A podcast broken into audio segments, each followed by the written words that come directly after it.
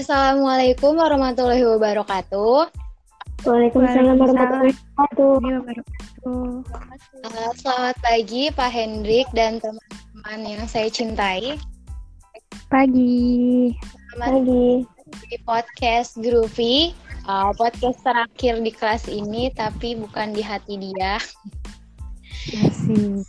Sebelumnya saya mengucapkan uh, minal aidin wal faizin, mohon maaf lahir dan batin. Selamat merayakan Hari Idul Fitri kepada teman-teman yang merayakan.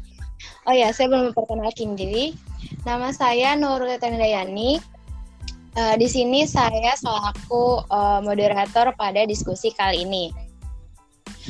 Oh ya, sebelum kita masuk ke materi, izinkan saya untuk memperkenalkan uh, teman-teman saya yang cantik-cantik ini. Silakan kepada para bidadari uh, untuk memperkenalkan diri. Yang pertama, silakan siapa nih yang mau duluan? Nah, halo teman-teman. Halo, ini siapa nih? Memperkenalkan nama saya Dwi Kak. Halo. Halo Dwi. Lalu ada siapa lagi nih? Oke, teman-teman, perkenalkan nama saya Lingga Rizky Amanda. Halo Lingga. Ini suaranya banget ya. Lembut. Kayak putih keraton gitu deh. Lalu ada siapa lagi nih? Halo semuanya, nama saya Putri Indasari. halo Putri. Udah putri kita lagi ya. Eh, teman-teman udah tahu belum sih ya hari ini kita bakal eh, bahas apa nih? Apa tuh? Oh ya. Apa tuh ya? Oke, jadi kita bakal bahas teknik-teknik human relation dan human relation dalam komunikasi kepemimpinan. Nah, eh, jadi teknik-teknik human relation itu apa aja sih dan eh, apa ngaruhnya sih human relation dengan komunikasi kepemimpinan? Jadi di sini eh, ada beberapa eh, masalah yang bakal kita angkat, yaitu yang pertama Bagaimana konseling langsung dapat mempengaruhi human relation? Lalu yang kedua, bagaimana konseling tidak langsung dapat mempengaruhi human relation? Dan yang ketiga, bagaimana teori X dan Y dapat mempengaruhi komunikasi kepemimpinan? Dan yang keempat, bagaimanakah human relation dalam komunikasi dapat mempengaruhi model gaya kepemimpinan? Nah, buat yang pertama nih, aku mau nanya, Bagaimana sih konseling langsung dapat mempengaruhi human relation? Bakal siapa nih yang mau jawab duluan? Eh, saya deh boleh. Boleh, siapa nih Dwi ya? Silakan Dwi. Iya. Oke, sebelum kita bahas lebih lanjut tentang konseling langsung, kita membahas dulu ya, apa sih konseling itu? Di sini ada yang tahu nggak konseling itu apa? Konseling itu apa? Bimbingan konseling. Bimbingan konseling di sekolah. Ya, pasti ingatnya itu ya, BK ya. Apa sih curhat ya? Konseling tuh curhat bukan sih? Konseling itu kayak semacam bimbingan. Jadi di sini saya akan eh, menjelaskan dari pengertian dari beberapa ahli dulu ya. Iya. Ya. Pastikan di suatu organisasi atau perusahaan itu terdapat suatu konflik atau masalah yang menyangkut manusia dalam organisasi. Nah, dalam kegiatan relation ini, ada cara yang bisa digunakan untuk membantu mereka yang sedang mengalami frustasi atau masalah yang disebut dengan konseling. Menurut Hani Handoko, konseling atau pembimbingan atau penyuluhan adalah pembahasan suatu masalah dengan seorang karyawan dengan maksud pokok untuk membantu karyawan tersebut agar dapat menangani masalah secara lebih baik. Sedangkan menurut Namora, konseling adalah keterampilan untuk membantu klien dapat membantu dirinya sendiri dalam memenuhi rasa aman, cinta, dapat mengambil keputusan dan aktualisasi. Nah, dari beberapa pengertian ahli tersebut, dapat disimpulkan bahwa konseling merupakan suatu proses bantuan yang dilakukan antar pribadi di mana satu orang dibantu oleh satu orang lainnya untuk meningkatkan suatu pemahaman dan kecakapan dalam menemukan suatu masalah yang dihadapi dan menghasilkan sebuah solusi. Nah, dari sini udah pada paham belum apa itu konseling? Oh, jadi kayak apa ya? eh, saling membantu untuk menyelesaikan suatu masalah gitu ya? Iya, betul. Nah, di dalam konseling ini tuh ada dua pihak. Yang pertama itu ada konselor dan juga konseli. Konselor ini biasanya dilakukan oleh pimpinan perusahaan, kepala humas, manajer, dan sebagainya. Sedangkan konselingnya itu karyawan di suatu organisasi atau perusahaan tersebut. Hmm. Nah, sekarang langsung saja pada lanjut pada uh, pembahasan bagaimana konseling langsung dapat mempengaruhi human relation.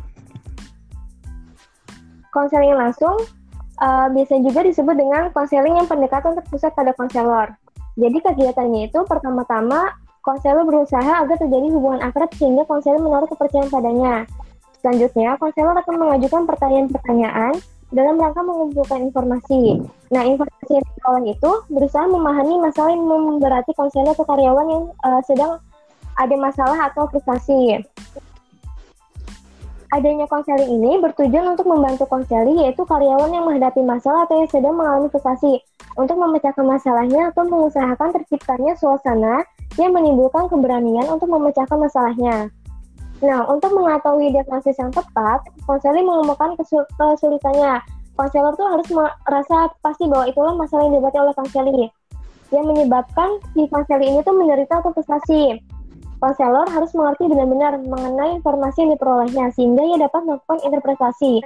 Dengan interpretasi ini, konselor dapat memberikan nasihat dan sugesti kepada konselor. Syarat sugesti ini adalah kepercayaan konselor terhadap konselor. Jadi, uh, dengan adanya kepercayaan ini, konselor bisa memberikan nasihat dan sugesti kepada konseli agar uh, menemukan suatu jawaban dari masalah tersebut. Nah, dalam uh, kegiatan konselor konseling ini terdapat serangkaian langkah atau tahap yang di dapat diamati dalam langkah aktivitas konseling. Tugas konselor adalah menarik perhatian konseli tentang adanya kesulitan atau menggerakkan proses perbaikan ke tahap berikutnya yang akan mencakup membantu konselor untuk mendeskripsikan perasaan negatif mereka atau apa yang mereka yakini menghalangi atau menghambat kemajuan hubungan konseling. Pada kondisi ini, konselor harus mengemukakan dengan cara yang tidak defensif. Bagaimana ia dapat memberikan kontribusi untuk memperbaiki keretakan yang ada. Tugas terakhir konselor adalah mendorong konseli untuk mengakses perasaan utamanya. Biasanya ini kemarahan atau kesedihan dari uh, konseling tersebut dan mengekspresikan kebutuhan atau harapan tersembunyi pada konselor. Keberhasilan memperbaiki keretakan hubungan konseling akan memberikan sejumlah keuntungan bagi konseling atau karyawan. Jelasnya, hal tersebut memperkuat hubungan dan memungkinkan untuk meneruskan konseling ke arah yang lebih produktif. Hal tersebut juga membuat konseling mempunyai kesempatan untuk belajar bagaimana memilah kesulitan dalam hubungan secara umum dan meminta atau menuntut apa yang mereka butuhkan dalam sebuah human relation. Akhirnya, bagi mereka yang terbiasa dengan hubungan yang penuh konflik dan rivalitas, akan memberikan model hubungan yang kolaboratif yang saling memberi dan menerima. Jadi, konseling langsung yang dilakukan dalam satu perusahaan pada prakteknya sangat membantu karyawan menghadapi persoalan non teknis di perusahaan. Bisa saja itu berarti atasan tidak menyenangkan, kolega yang ternyata tidak suportif, atau bahkan kebijakan-kebijakan perusahaan yang dirasa malah merugikan. Dengan jawaban yang memuaskan, karyawan akan menjadi lega dan dapat melanjutkan pekerjaannya dengan nyaman, sehingga terjadi peningkatan produktivitas. Begitu pula sebaliknya, tanpa ada penyelesaian masalah teknis, hal itu bakal terus-menerus menjadi beban pikiran dan akhirnya malah menurunkan produktivitas sehingga malah merugikan perusahaan. Sekian. Oh, jadi konseling langsung itu yang ber, yang lebih berperan aktif itu konselornya ya dibandingkan konselingnya. Jadi konselor itu perlu apa ya, menginterpretasikan apa yang dianalisis dia melalui konselingnya itu ya. Ya betul. Terus uh, kalau misalkan tujuan akhir dari uh, melakukan konseling langsung terhadap apa ya kinerja di perusahaan itu apa ya Dwi kira-kira? Jadi kalau misalnya uh, telah selesai adanya konseling ini, pastikan karyawannya ini dapat meningkatkan produktivitas kerja. Jadi kinerja dia itu akan lebih meningkat. Jadi malah uh, memberi keuntungan bagi perusahaan. Begitu. Jadi bisa mengatasi masalah secara psikologis dari karyawan itu sendiri ya? Iya, agar karyawan itu juga kerjanya secara nyaman. Betul betul. Jadi uh, karena emang kalau misalkan secara apa ya selain kita butuh kesehatan fisik juga kesehatan jiwa dalam melakukan pekerjaan itu juga berpengaruh ya. Karena kalau misalkan uh, kita bekerja dalam keadaan pikiran yang kusut atau hati yang uh, lagi gelisah itu juga bakal mempengaruhi produktivitas kerja ya. Betul benar sekali.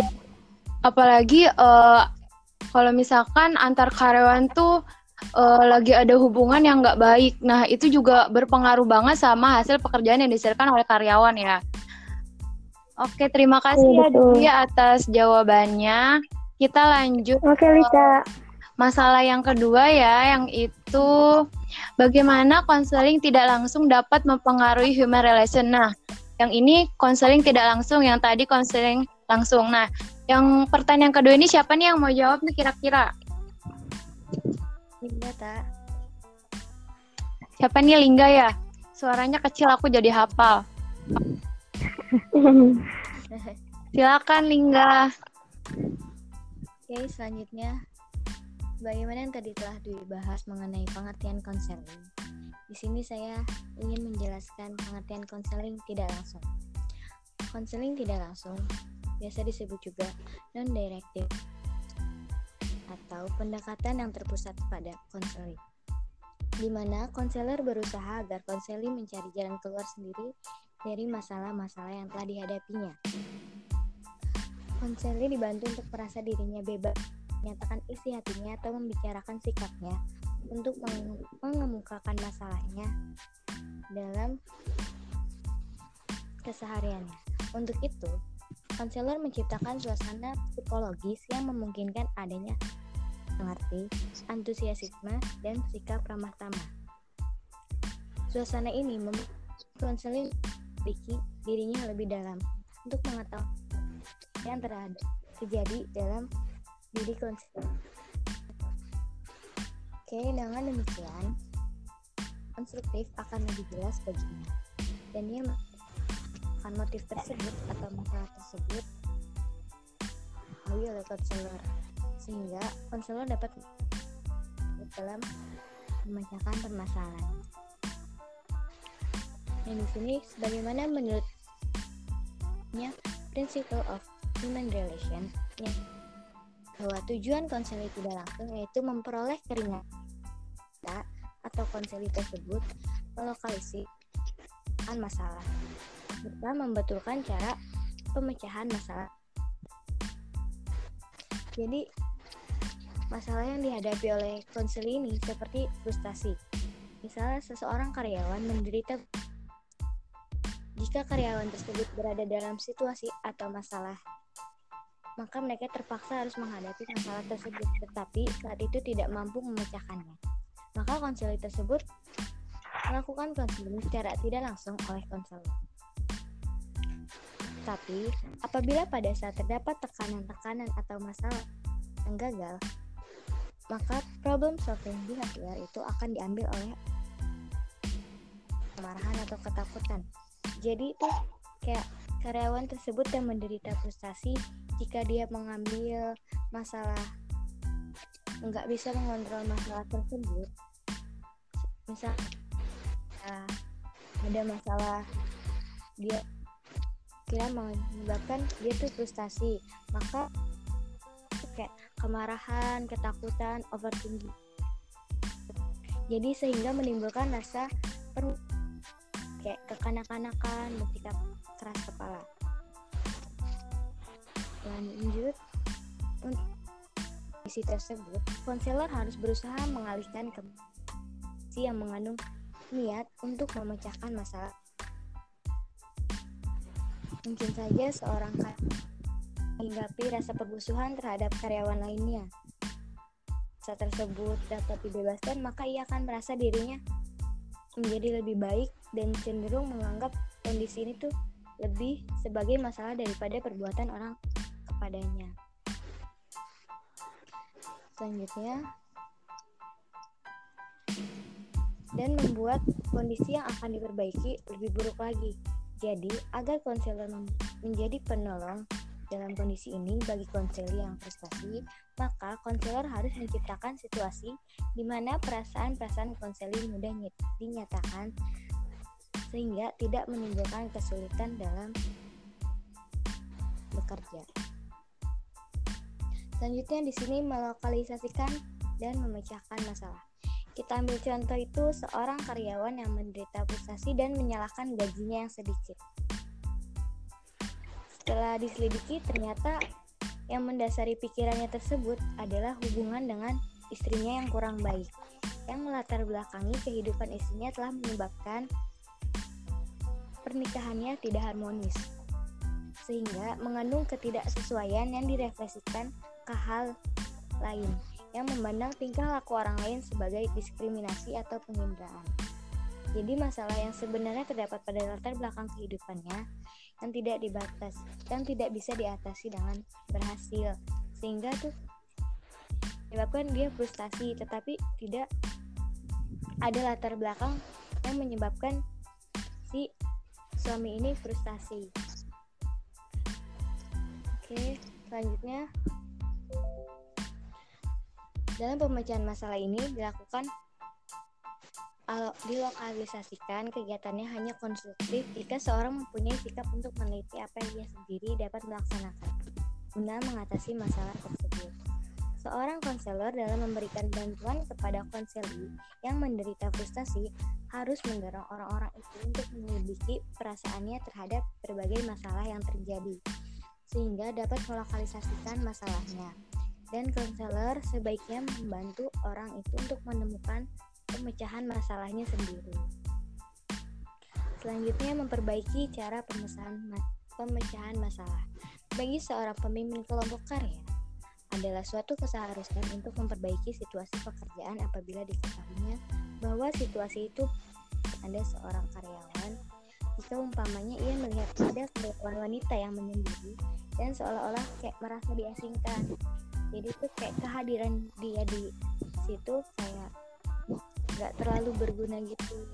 Jadi caranya itu karyawan tersebut diberikan tugas khusus sehingga dia tidak merasa terasingkan lagi. Juga membawa dia ke dalam diskusi sehingga kehadiran dia itu jadi sangat berharga di kalangan teman-temannya semua.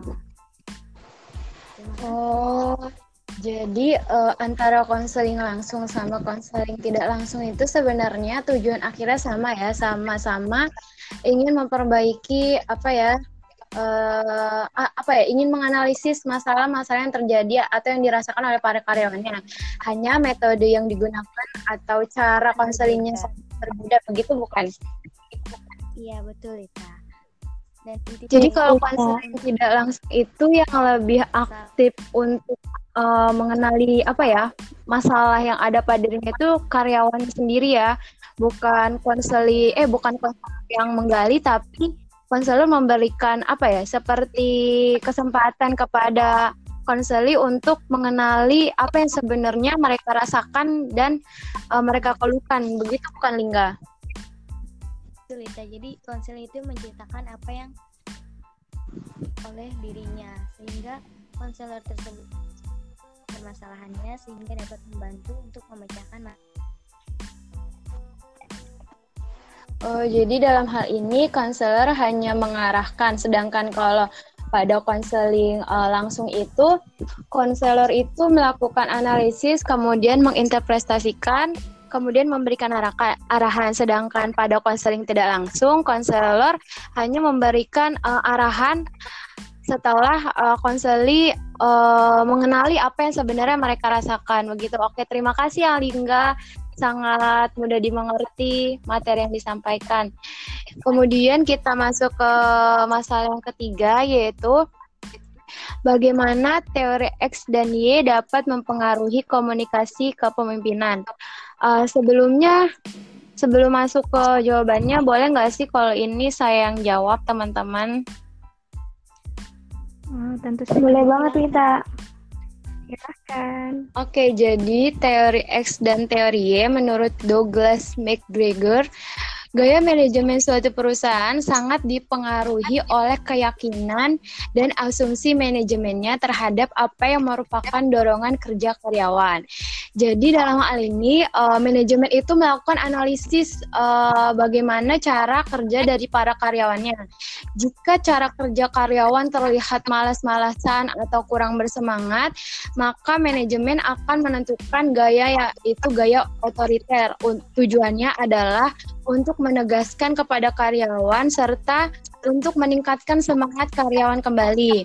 Nah, namun jika manajemen namun ada apabila hasil analisis manajemen berasumsi bahwa sebagian besar karyawan menyenangi pengerjaannya dan bangga ketika suatu pekerjaannya dapat diselesaikan serta melakukan pekerjaan dengan semangat, maka uh, gaya manajemen akan cenderung mengadopsi ke gaya manajemen partisipatif dan demokratif. Nah, dalam penerapan komunikasi kepemimpinan ini terdapat beberapa asumsi dalam teori X dan Y yang perlu diperhatikan. Nah, uh, asumsi dari teori X dan Y yang pertama yaitu uh, karyawan dapat menganggap pekerjaan mereka santai dan normal, yaitu mereka melakukan upaya fisik dan mental mereka secara inherent dalam pekerjaan mereka. Jadi uh, dalam hal ini karyawan uh, enjoy dan fleksibel pada saat melakukan uh, pekerjaan mereka tidak merasa terbebani dan tertekan atas pekerjaan yang mereka lakukan. Yang kedua yaitu karyawan tidak hanya memerlukan ancaman kontrol eksternal dan paksaan untuk bekerja, tetapi mereka dapat menggunakan pengarahan diri sendiri dan kontrol diri jika mereka berdedikasi dan tulus untuk mencapai tujuan organisasi. Dalam hal ini, uh, karyawan bisa melakukan pengendalian diri sendiri bahwa dalam melakukan pekerjaan mereka itu harus uh, mampu mengontrol diri sendiri jangan hanya mengikuti nafsu kemalasan atau uh, rasa bosan karena seperti yang kita tahu ya bahwa setiap orang itu pasti memiliki rasa jenuh, rasa bosan dalam melakukan pekerjaan. Namun hal itu lebih kepada diri sendiri bagaimana kita mampu mengontrol diri sendiri agar uh, apa ya bisa menanggulangi rasa bosan dan rasa jenuh itu menjadi suatu hal yang menyenangkan dan uh, dapat kita lakukan dengan santai tanpa harus merasa tertekan gitu. Yang kedua, jika pekerjaan itu bermanfaat dan memuaskan, maka itu akan menghasilkan loyalitas dan komitmen karyawan terhadap organisasi. Tentunya uh, karyawan juga akan merasa apa ya? Merasa memiliki apabila pekerjaan itu uh, memberikan manfaat untuk mereka serta memberikan kepuasan pada mereka. Dalam hal ini loyalitas itu seperti lebih kepada apa ya? Uh, seperti kesetiaan atau uh, komitmen karya uh, karyawan terhadap perusahaan jika pekerjaan itu memberikan manfaat, memuaskan mereka, membuat mereka menjadi lebih baik dan peningkatan dalam diri mereka tentunya hal itu dapat meningkatkan loyalitas dan komitmen karyawan terhadap perusahaan. Yang keempat yaitu seorang karyawan bisa dapat belajar untuk mengakui dan tanggung jawab, bahkan ia bahkan bisa belajar untuk mendapatkan tanggung jawab. Jadi uh, mulai dari hal ini karyawan harus mulai memahami mengenai tanggung jawab tanggung jawab yang mereka miliki. Setiap orang itu uh, pasti memiliki tanggung jawab, meskipun dari hal yang terkecil, bahkan terhadap diri sendiri pun mereka sudah harusnya uh, belajar terhadap tanggung jawab terhadap diri mereka sendiri. Termasuk ya seperti yang tadi saya bilang bahwa mengenai pengontrolan diri itu sebenarnya tanggung jawab diri mereka, bagaimana mereka bertanggung jawab terhadap diri mereka untuk bisa uh, mengontrol uh, diri mereka agar uh, tetap ber, apa ya bekerja secara maksimal uh, tetap mengontrol ego mereka agar tidak uh, apa ya tidak terlalu mengikuti uh, ego-ego negatif yang sebenarnya dapat uh, menurunkan kinerja mereka. Yang kelima yaitu para karyawan memiliki keterampilan dan kemampuan kemampuan logis mereka harus dimanfaatkan sepenuhnya. Dengan kata lain, kreativitas, sumber daya dan potensi inovatif dari karyawan dapat dimanfaatkan untuk menyelesaikan masalah organisasi.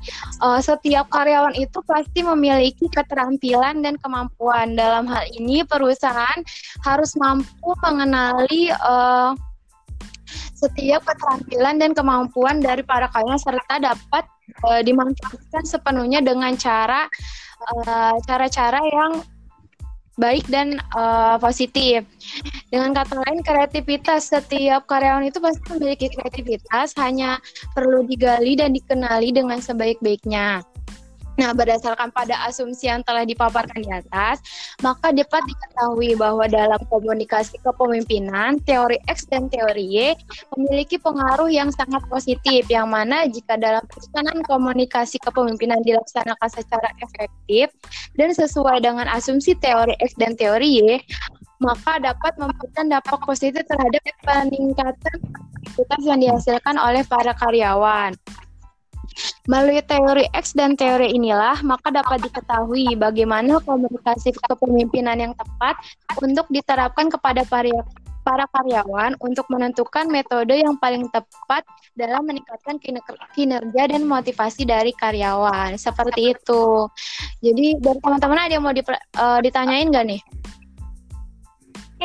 Berarti uh, pelaksanaan komunikasi kepemimpinan itu sangat berpengaruh ya terhadap tingkat produktivitas karyawannya. Betul sekali karena uh, gini aja ya, misalkan kadang uh, seperti yang kita tahu, kalau misalkan uh, kita disuruh sama orang tua dengan cara untuk beberapa anak uh, di disuruh dengan cara yang tegas, mungkin beberapa dari mereka akan sulit untuk menerima sedangkan uh, bagi anak yang lain uh, ada beberapa anak yang diperlu apa ya diperlukan pengarahan yang keras tapi mereka justru mengalami peningkatan. Nah, dalam hal ini, uh, pemimpin harus mampu mengetahui bagaimana karakteristik dari para karyawannya, bagaimana komunikasi yang mereka seharusnya lakukan kepada para karyawannya agar dapat meningkatkan uh, produktivitas dan motivasi kerja dari para karyawannya seperti itu Dwi.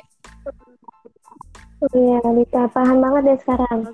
Oke, jadi ada yang mau ditanya lagi nggak teman-teman? Udah cukup jelas kita. Sudah cukup, Lita. Cukup. Uh, kita lanjut ke pertanyaan selanjutnya ya. Yaitu uh, bagaimanakah human relation dalam komunikasi dapat mempengaruhi model gaya kepemimpinan? Nah, sepertinya kita masih punya satu uh, bidadari yang belum menjawab. Nih bidadari terakhir. Putri Indah lagi. Silakan kepada Putri Indah. Oke teman-teman. Uh, seperti yang kita alami ya kalau komunikasi itu kan kita pasti setiap hari akan melakukan komunikasi dalam kehidupan sehari-hari. Dengan adanya komunikasi yang baik dan terarah maka akan tercapai sebuah kesuksesan nih entah itu dalam pekerjaan maupun pergaulan. Nah, komunikasi ini erat kaitannya dengan kepemimpinan. Kenapa sih? Karena kemampuan berkomunikasi akan menentukan berhasil atau tidaknya seorang pemimpin dalam melaksanakan tugasnya. Nah, komunikasi ini juga memiliki korelasi yang sangat signifikan dengan kepemimpinan. Hampir tidak ada kepemimpinan tanpa komunikasi. Jadi, keberhasilan seorang pemimpin ini tergantung oleh kemampuannya dalam berkomunikasi. Pemimpin harus memiliki komunikasi yang baik untuk mencontohkan atau memberi um, memberi petunjuk untuk anggota-anggotanya melalui komunikasinya. Karena dengan adanya kemampuan komunikasi yang baik, maka dapat mempengaruhi hubungan antara relasi dan juga gaya kepemimpinan dari pimpinan itu sendiri. Nah, dalam gaya komunikasi ini, eh maksud saya, terdapat beberapa gaya kepemimpinan yang efektif digunakan dalam perusahaan. Yang pertama itu ada kepemimpinan demokratis, yaitu suatu gaya kepemimpinan di mana seorang pemimpin mendelegasikan otoritasnya dan mengajak para pengikutnya untuk berpartisipasi dalam proses pengambilan keputusan. Nah, gaya kepemimpinan ini menekankan pada pentingnya sebuah kerjasama antar anggotanya. Para anggota bebas bekerja dan siapa saja yang mereka pilih dan pembagian tugasnya ditentukan oleh kelompoknya. Contohnya, ketika mereka sedang rapat, pemimpin akan memberikan kebebasan atau kesempatan kepada anggota-anggotanya untuk memberikan pendapatnya. Jadi, semua kebijakan ditentukan oleh hasil diskusi mereka masing-masing. Nah, dalam hal ini, seorang pemimpin bisnis dapat menerapkan gaya kepemimpinan ini untuk mendapatkan saran yang berguna dari para anggotanya. Yang kedua itu ada kepemimpinan otokratis, yaitu suatu gaya kepemimpinan di mana seorang pemimpin memiliki kekuasaan absolut dan tanggung jawab penuh dalam memimpin timnya. Seorang pemimpin yang autokratis memimpin dengan memberikan perintah kepada anggotanya memberikan ancaman kepada para bawahannya, dan memiliki kontrol yang ketat terhadap organisasi yang dipimpin. Contohnya itu, ketika sedang rapat, pemimpin tidak akan memberikan kesempatan kepada anggotanya untuk berpendapat. Jadi, uh, gaya kepemimpinan ini berbanding terbalik dengan kepemimpinan demokratis. Di sini gaya gaya kepemimpinan ini selalu mengontrol bawahannya. Jadi gaya kepemimpinan ini menuntut adanya kepatuhan penuh dari bawahannya tanpa meminta adanya pembangkangan atau keraguan. Jadi semua kebijakan dalam diskusi yang telah di yang telah didiskusikan ditentukan oleh pemimpin itu sendiri. Jadi bawahan itu harus nurut atas kebijakan yang telah dibuat oleh pemimpinnya. Nah, yang ketiga itu ada kepemimpinan afili afiliatif, yaitu suatu gaya kepemimpinan di mana seorang pemimpin memberikan saran-saran yang efektif dan mendorong anggota timnya untuk lebih aktif dalam memberikan ide dan pendapat. Nah, ini sama halnya dengan kepemimpinan demokrasi. Nah, pemimpin seperti ini memiliki beberapa karakteristik yaitu mementingkan harmoni antar para anggota timnya, berempati terhadap sesama, meningkatkan semangat para anggotanya, dan membantu dalam menyelesaikan konflik antar anggota tim. Gaya kepemimpinan seperti ini menciptakan harmoni dalam tim dengan membantu membangun hubungan antar para anggotanya. Nah, seorang pemimpin perusahaan dapat menerapkan gaya kepemimpinan seperti ini untuk memotivasi tim saat berada di saat sulit maupun untuk mempererat hubungan antar anggotanya. Nah, yang keempat ada kepemimpinan visioner, yaitu gaya kepemimpinan di mana pemimpin menginspirasi dan memotivasi para anggota timnya, berpegang teguh pada visi yang ditetapkan, dan mendorong para anggotanya untuk menjalankan tugas-tugas sejalan dengan tujuan besar yang ingin dicapai bersama. Nah, seorang pemimpin visioner ini menginspirasi sesamanya dan percaya terhadap visi yang ingin dicapainya dan memiliki empati terhadap anggota tim. Seseorang yang memiliki kepemimpinan ini mampu mengkomunikasikan secara jelas mengenai bagaimana untuk mencapai visi tersebut dan mengapa semua usaha dalam tim diperlukan dalam mencapai visi tersebut. Jadi, gaya kepemimpinan ini diperlukan ketika bisnis atau perusahaan membutuhkan suatu visi yang baru atau perubahan drastis yang memberikan pengaruh besar terhadap perusahaannya. Nah, jadi komunikasi itu penting banget buat kita untuk memimpin suatu perusahaan atau memimpin suatu organisasi.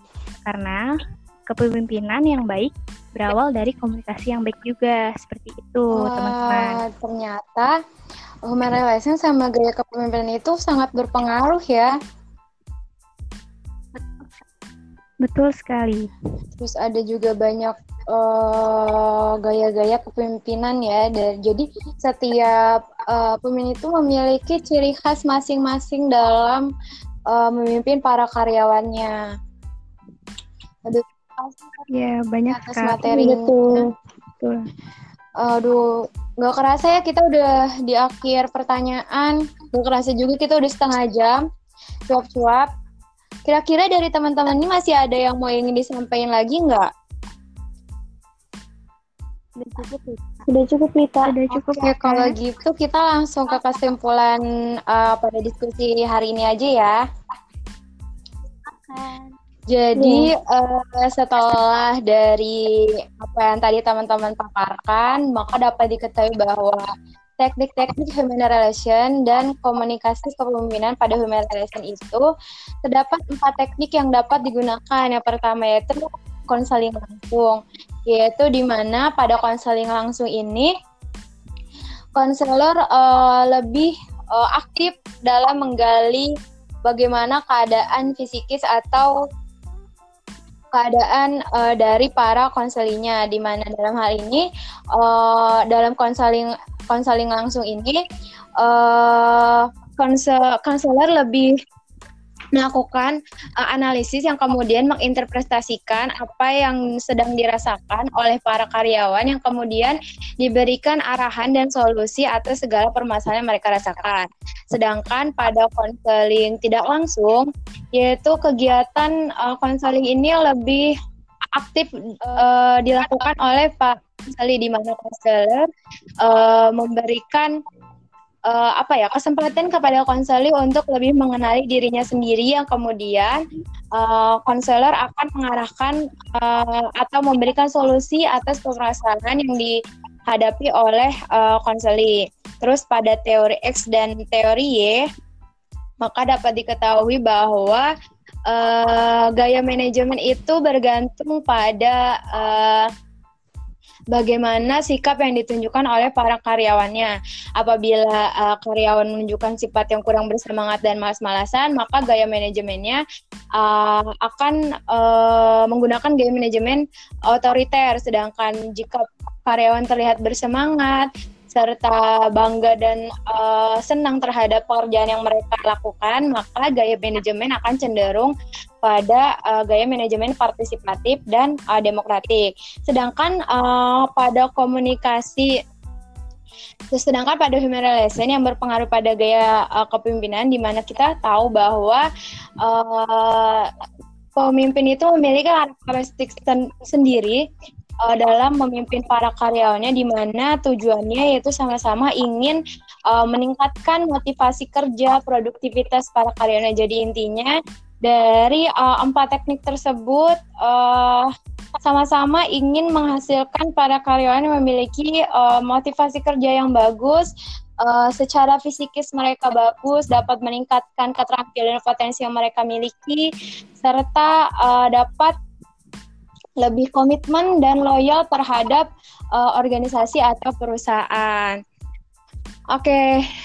gak kerasa aja ya kita udah uh, setengah jam dan udah banyak banget bicara nih. Jadi uh, terima kasih teman-teman yang udah mau dengerin podcast kita. Ada kata-kata terakhir nggak nih dari teman-teman untuk teman-teman pendengar podcast kita nih? Semoga ilmunya bermanfaat untuk teman-teman Amin. Amin ya Mungkin dari kakak.